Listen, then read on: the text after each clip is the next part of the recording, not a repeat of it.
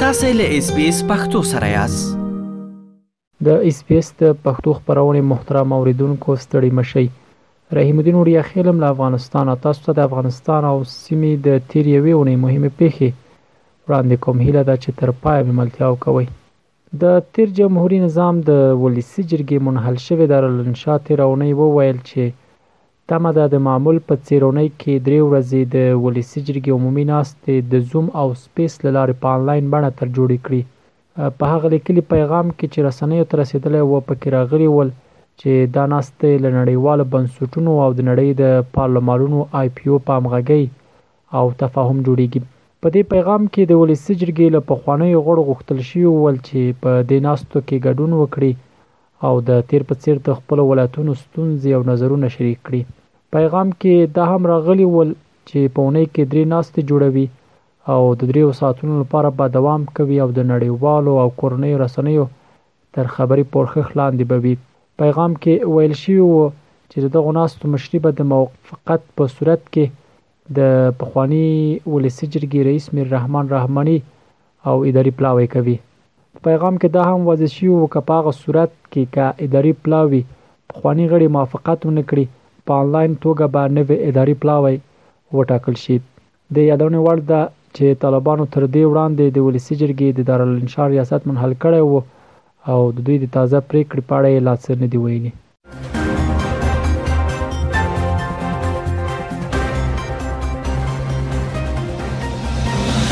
په افغانستان کې د واکمنو طالبانو سرپرست حکومت تېره اونۍ په امریکا تور پورې کړ چې په نړیوال توګه یې د دوی د حکومت په رسمیت پېژندلو کې خنډونه جوړوي.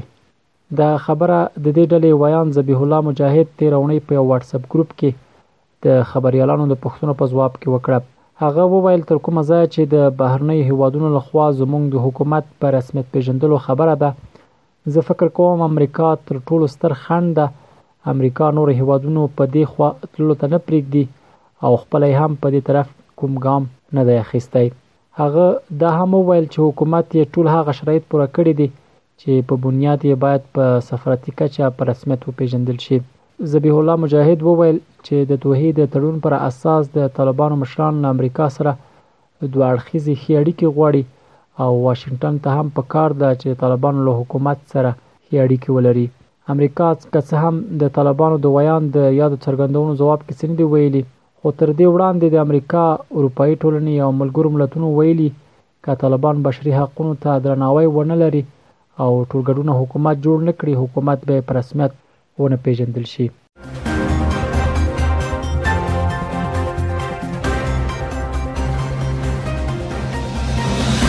د ملګرو ملتونو د بندیزونو کمېټې تېره اونۍ د دوو طالب چارواکو په سفر بندیز ولګاوه. ملګرو ملتونو پر دغو دوو طالب چارواکو د تېرې اونۍ د دوشنبې په ورځ د هغه څه له امله چې افغان نجونو د زده کړو او تاثیر پر وړاندې سخت دریځ زیاتېږي، پر دوی بندیز لګولی.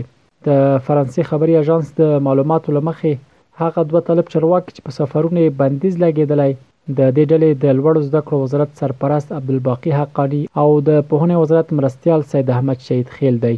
د دې اژانس په راپور کې راغلي ول، د ملګرو ملتونو د بندیزونو کمېټې له سختو خبرو اترو وروسته د دیارلسو طالب چارواکو د سفر د معافیت له دېرسو تر شپېتو ورځو نور هم غځولی.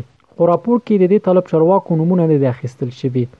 درې کاله وړاندې د امریکا د مخکني جمهور رئیس ډونالډ ټرمپ د ادارې پر مهال د سولې په خبرو کې د ګډون لپاره د طالبانو پر سفر بندیز په نسبي توګه لرې کړ، خو په ټوله کې لا هم یو څل وېښت طلب چارواکي د ملګرو ملتونو د امنیت شورا بندیزونو سره مخ دي چې له دې یو یې د دوی سفرونو بندیز دی. وسله والو طالبانو بیا د ملګرو ملتونو له لوري پر دوو چارواکو یې د سفر بندیز د منلو وړ نه بولي او غوښتنه یې کړې چې باید بیرته لرې شي. امریکا بیا د ملګرو ملتونو له دې بریکړې وروسته وویل چې دا کار د دوی په وړاندیز شوی.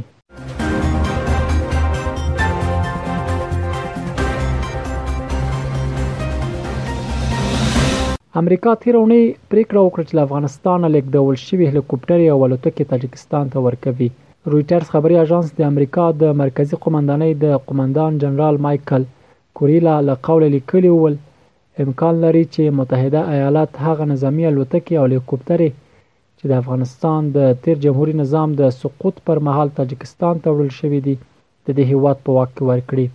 دې اژانس همداراز په تاجکستان کې د امریکا د متحده ایالاتو د سفارت له قوله لیکلي وول، د امریکا مرکزي قوماندان د تاجکستان له امنیتي ځواکونو د دې نظامي الوتکو د ساتنې له امله مننه وکړه او زیاته یې کړه، امریکا به د تاجکستان له حکومت سره له دې الوتکو د کارونې او ترې د ساتنې لپاره غوره لاره وټاکي. د دوه زره او یوویشتم کال د اګست په پنځلسمه د طالبانو لوري د افغانستان د سقوط سره سم د تېر جمهوري نظام یو شمېر پیلوټانو چې امریکا او ځینو نورو هېوادونو کې زده کړې کړې وې، نږدې څلور شپېته هلیکوپترې او نظامي الوتکې تاجکستان او ازبکستان ته ولېږدولې. طالبانو په وار وار له تاجکستان او ازبکستان غوښتي دي چې دا الوتکې او هلیکوپتر افغانستان ته بیرته وسپاري ان تر دې چې د دې ډلې د دفاع وزرت سرپرست دغو هیوادونو ته ګواښ وکړ که الوتکې او هلیکوپتر افغانستان ته ونه سپاري له بدو پایلو سره به مخ شي د یادونې ده چې د افغانستان د بیا رغونې لپاره د امریکا د سرمفتش ادارې یا سیګار او د متحده ایالاتو د دفاع وزرت په ارشیف کې د شته شمیرو له مخې افغان هوایي ځواکونو د څوارلس سوه کال د چنګاښ تر میاشتې دوه سوه او نهه ویشت نظامي الوتکې او هلیکوپترې درلودلې چې له دې شمېر یې په افغانستان کې دننه یو سلو اووه شپېته شته وې.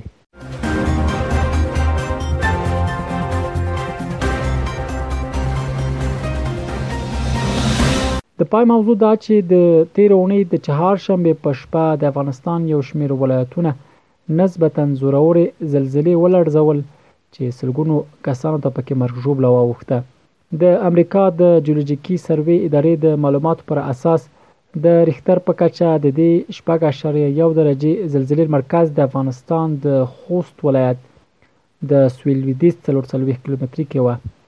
دا زلزله داسې مهال وشوه چې د پلازمېنې کابل په ګډون په نږدې ټولو ولایتونو کې بارانونه وشول. د افغانستان په څېر هېوادونو کې چې ډېر کورونه یې پکې خټین دي، د بارانونو پر مهال زلزلې ویجاړې ډېرې رامنځته کوي. دغه زلزلې له امله په خواشینۍ سره په پکتیکا، خوست او ننګرهار ولایتونو کې له زرو زیات کسان مړه شول، سلګونه نور پکې ټپیان او بې کوره شول. له دې زلزلې وروسته ملګرو ملتونو، اروپايي ټولنې، امریکا، د نړۍ د کاتولیکانو مشر پاپ فرانس او ځینو نور نړیوالو ادارو او هیوادونو په افغانستان کې په زلزله کې خلکو ته د اوښتو زیانونو له کابله له افغانانو سره په دې غمیزه کې همدردي وښوده او مرستې وکړي په افغانستان کې د نن او بهر یو شمیر سوداګرو اشخاص او بنسټونه هم له زلزله له زلزله ځپلو سره مرستې وکړي. اخوا د ملګرو ملتونو د اټکل پر اساس د افغانستان وروستۍ زلزلې شاوخوا دوه زره کورونه نړولي دي او د دوی د معلوماتو پر اساس ګومان کیږي چې مرګ ژوبله لا ډیره شي. د یادونې ده چې افغانستان له هغو هیوادونو دی چې زلزلې پکې ډیرې کیږي.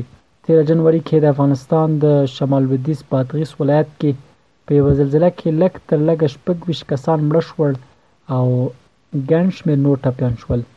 هغه زلزله د ریښتر په کچه پنځه اعشاریه درې درجې وه. دا ول د افغانستان او سیمې د تېرې یوې اوونۍ مهمې پېښې چې ما تاسو ته وړاندې کړې، تر بیا ښې چارې. ایس پی ایس پښتو په فیسبوک کې تا کې پلی مطلب یې خوښ کړئ نظر ور کړئ او له نورو سره شریک کړئ.